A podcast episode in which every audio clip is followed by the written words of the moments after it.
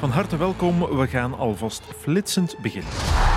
Tonight we bring you the story of how David Beckham became a global phenomenon.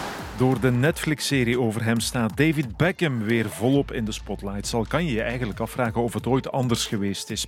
Maar nu is het dus zeker nog altijd van dat. Kijk maar naar VRT Nieuws. Artikel op donderdag 19 oktober. Beckhams zorgen voor TikTok-hype met een liefdevol dansje op dit nummer.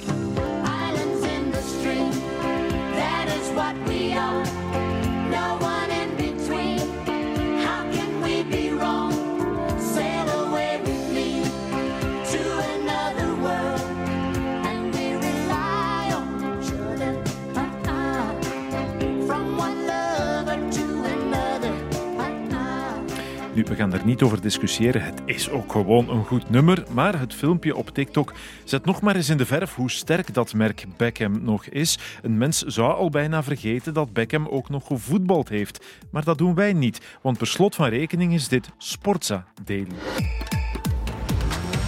Men vergeet wel eens hoe goed hij was. Dat is zeer zeker. Frank Raas heeft Beckham zijn hele carrière gevolgd en hem ook live zien spelen. Zoals op 24 oktober 2000. Het was wel Beckham zijn beste avond niet. Zinski! Ja! Ja, ja! 2-0! En hoe heeft hij die bal binnengetrapt? Schitterend! 2-0! Een walser. Bijna over Manchester United. Anderlecht tegen het Manchester United van David Beckham. 2-1, een legendarische avond in de Champions League. Met dank aan Thomas Radzinski, die trouwens ook nog in Engeland gevoetbald heeft in het Beckham-tijdperk. Hij is gewoon een heel goede, down-to-earth, sympathieke jongen. Zo simpel is. Een sympathieke jongen die er altijd goed uitzag ook. Hij is alleszins een trendsetter geweest en nooit een trendvolger. Stiliste Linda van Waasbergen is onze derde gesprekspartner over David Beckham. Een fenomeen naast het veld, maar niet vergeten ook erop. Ik heb hem echt wel zien spelen. Ik heb hem bijna zien debuteren bij Manchester United. Zo oud ben ik al. Maar ik, want ik heb ooit nog eh, met hem op dezelfde vlucht naar Londen gezeten, vanuit Manchester. dan. Eh, de avond voordien was er een Champions League match, veronderstel ik, met die goede generatie, met Gary Neville en Paul Scholes en noem maar op. En dan, eh, ja, dan stond hij met mij in de krantenwinkel, maar hij was toen nog pas in het elftal pas gekomen. Zo. Dus en, ja, hij kon daar nog makkelijk rondlopen. En eh, hij keek wel naar de grond zo, om de blikken van de mensen te ontwijken. Of het door het samen zijn met Frank in de krantenwinkel is, is niet meteen duidelijk. Maar na die ontmoeting op de luchthaven nam de carrière van Beckham een hoge vlucht. Frank heeft een hoge pet op van de voetballer David Beckham. Luister maar. Je kunt nu zeggen, de top 20 aller tijden die haalt hij misschien net niet, maar top 40, top 50 haalt hij wel. Hè. Ja? De aller tijden, ja, ja, absoluut. De traptechniek van David Beckham is echt eh, uit de kunst. Dat is eh, niet ongeëvenaard, er zijn er nog wel. Maar zijn traptechniek is echt su- subliem. Ja, hij kon de bal leggen waar hij wilde met die rechtervoet. Nee, ik vind David Beckham een zwaar onderschatte voetballer in die zin. Doordat zijn eh, imago van vedetten enzovoort en partygoer en wat dan ook, eh daar bovenuit is hij is absoluut een topvoetballer. Als je natuurlijk bij Man United eh mede dienst uitmaakt, dan Real Madrid, eh, AC Milan, Paris Saint-Germain, dat zijn geen flutteams. Hè. Die nemen hem ook wel binnen, of die hebben hem binnengenomen, ook voor zijn naam en het merk en het geld dat hij kon opbrengen, maar eh, ook wel omdat hij fantastisch kon voetballen. En hij, Beckham is, is, is, is als voetballer niet te onderschatten, echt. Thomas Radzinski is het er roerend mee eens. Zijn vrije trappen, zijn, zijn balaannames en, en de visie, eh, plus de, de, die snelheid van uitvoering, eh, alles met zijn rechtse voet, die waren gewoon wereldklasse. Beckham could raise the roof here with a goal. Believe it. David Beckham scores the goal to take England all the way to the World Cup finals. Met rechts uiteraard eh, bij hem. En die, die, die, die heeft zo'n zwiepen dat zo met de vreven een beetje binnenkant, maar niet veel. En hij kon die bal leggen waar hij wilde. De, de hoekschoppen, assist, dat was eigenlijk zijn ding. Dat werd toen allemaal nog iets minder geteld dan nu. Maar hij moet veel assist getrapt hebben in zijn leven. Dat kan niet anders. Maar die zwiepende paas, wij spreken altijd over Frankie Verkouter, want dat is dan de overzijde aan de linkerkant. Maar die van Beckham was eigenlijk nog straffer. En verder ook. Zijn traptechniek, dat was gewoon fenomenaal goed. Ik vond het altijd een klein beetje bizar dat iemand die maar, laten we zeggen, ene voet, ene goede voet heeft, zo'n carrière kon maken. Maar die, die zijn rechtse voet die was zo goed dat het gebrek aan die linkse was het volledig geen probleem voor zo iemand. Gary Neville, die toch achter hem speelde in dat elftal Man United, die zegt, ja, ik, ik was zo om de bal aan David te geven. Die kon dan wel zorgen dat er iets goeds mee gebeurde. Hij kon ook hij had een zeer groot loopvermogen, hij zag het goed. Het gaat verder dan dat, maar hij kon het ook uitvoeren door die traptechniek. Hij scoorde ook wel makkelijk, hè, dat kun je niet ontkennen. Nee, hij kon ook wel meer dan dat. Hij speelde ook mee in een elftal. Hij was uh, zeer slim als voetballer ook. We zijn al even in wat toen nog het Constant van de Stokstadion was geweest, maar dat was niet de eerste keer dat Thomas Radzinski en David Beckham samen het veld opliepen. Mijn eerste ontmoeting uh, tegen David was wel op Old Trafford en ik vond dat op dat moment uh, geen echte topper. Maar als ik de beelden nadien heb gezien, uh, David heeft twee assists gegeven zonder in een wedstrijd te zitten. En we verliezen die wedstrijd uh, op Old Trafford met 5-1. Maar uh, ja, het was volledig een andere wedstrijd op, op Anderlecht. Dus daar hebben we wel die eerste 60 minuten gedomineerd. En hij was er ook bij. En ik weet nog, Deiden, die, die probeerde het ruiken met hem te wisselen. En dat wou hem niet. Hij was zo kwaad voor de prestatie van United en waarschijnlijk zijn eigen prestatie ook, dat hij gewoon die truiken niet wou wisselen met die deden. Dus ja, geen memorabele moment op dat, uh, op dat vaak op dat moment. Maar oké, het is ook maar een mens en die kan ook uh, slechte dagen hebben. Hè? Ja, al is de waarheid natuurlijk dat David Beckham uiteraard zelf heel graag zijn truitje wilde wisselen met dat van de man die twee goals gemaakt had, Thomas Radzinski. Ja toch, Thomas? Ja, zo kunnen. zo natuurlijk kunnen. Maar nee, ik denk, ik, ik, ik denk van niet. Ik denk, uh, die heeft uh, zijn, zijn kastje vol met allemaal toppers van deze wereld. Dus uh, ik denk Radzinski in zijn eerste jaar in de Champions League, dat zou hem niet boeien. En zullen we dan stilaan opschuiven naar de glamourfiguur David Beckham en tegelijk toch ook nog bij het voetbal blijven? Wat ik het allerstrafste vind eigenlijk bij hem, is dat hij dat leven als glamourboy kon combineren met zijn voetbalcarrière, dat, dat hij dat overleefd heeft. Ook, ook de enorme druk die toch op hem is neergekomen na die rode kaart, je weet wel, uh-huh. voor Engeland tegen Argentinië en zo, dat heeft hij allemaal overleefd. Hij moet mentaal en fysiek ook zeer sterk geweest zijn. Want vaak uh, trok hij vanuit Manchester nog naar Londen, uh, s'avonds na de training en zo, en dan de volgende ochtend terug, dat kon hij allemaal aan. Dus dat wil wel zeggen dat hij ja, mentaal en fysiek ook al uitzonderlijk sterk was. Dat, dat, dat kan niet anders. En voor een goed begrip, David Beckham is van oorsprong een Londenaar. Op naar de grote stad, naar de spotlights, de glitter en de glamour en waarom niet de mode.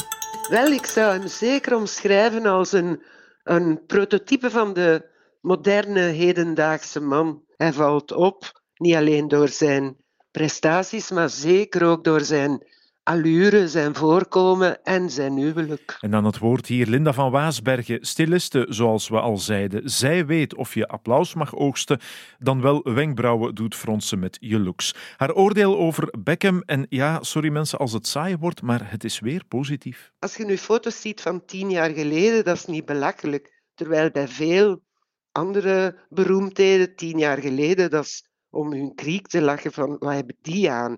En zij gaan eigenlijk voor iets heel klassiek.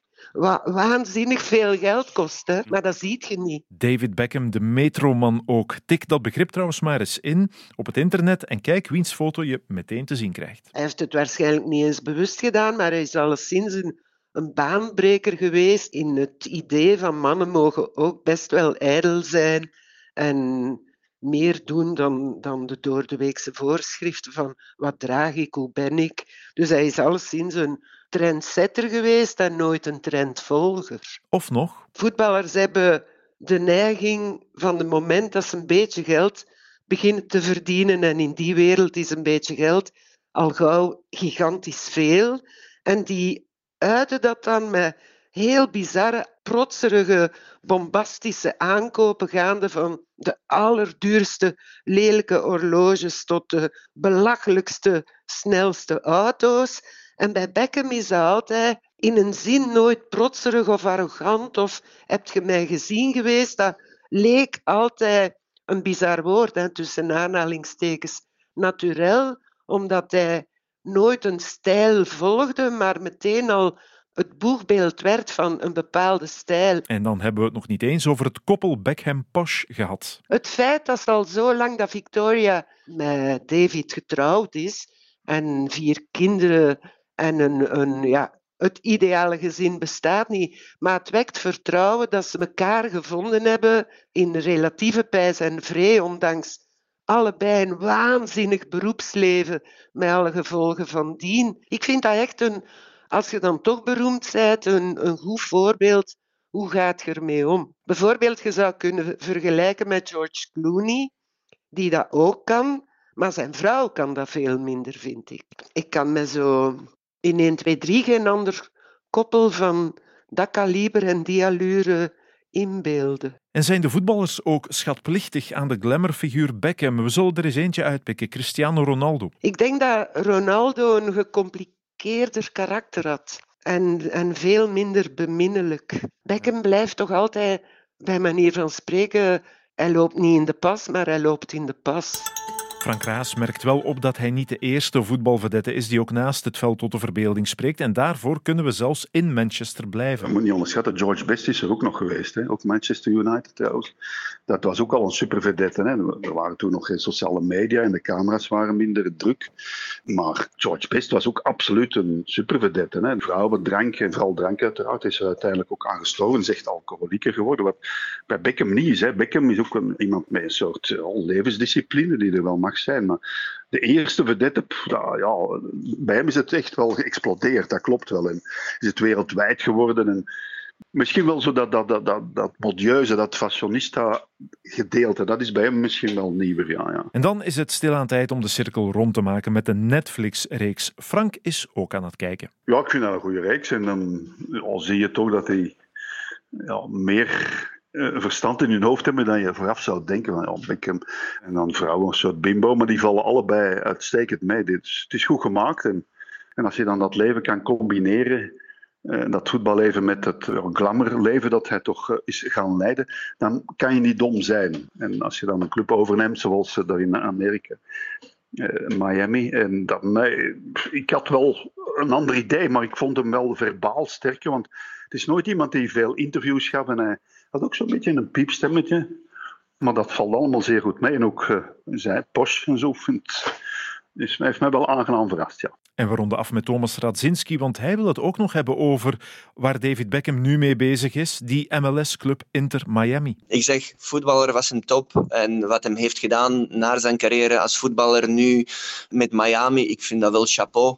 Hij is in voetbal gebleven. Hij is niet naar, de, eh, naar Hollywood vertrokken om een grote filmster te zijn. Terwijl dat hem wel Bandit Like Beckham eh, film heeft wel eh, te stande gebracht. Dus eh, ja, ik zeg allemaal en alleen respect voor, voor zijn figuur als persoon. Ik heb die ook een paar keer ontmoet tijdens onze stages eh, met Fulham. Real Madrid was net in hetzelfde hotel, dus ik heb die gast ook een paar keer ontmoet aan de bar. En ik vind dat wel een heel sympathieke en toffe gast. Je zit daar samen te lachen, dus eh, je, je babbelt met elkaar. Dat is niet dat we vreemde mensen zijn. Hè. We zijn allemaal voetballers onder elkaar. We hebben, we hebben een paar woordjes gewisseld, maar vraag me niet wat het was. Het is nu al meer dan 16 jaar geleden. Nee, maar hij gedraagt zich dan niet, of gedroeg zich toen niet als de grote wereldvedette. Dat, dat niet. Nee, nee, absoluut niet. Hij is gewoon een heel goede, down-to-earth, sympathieke jongen. Zo simpel is. Mooie slotwoorden. En op die manier zijn we klaar, maar weliswaar niet zonder het laatste nieuws mee te geven over uw vertrouwde podcast-host, Jonathan Mettepenningen, die er een weekje tussenuit was.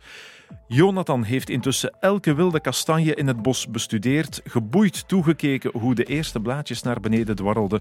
Maar Jonathan heeft mij vandaag laten weten: het is genoeg geweest met dat bos. Ik kom terug. En zo zal maandag geschieden. Benieuwd waarover hij dan een boompje zal opzetten. Hopelijk ben jij er dan ook weer bij.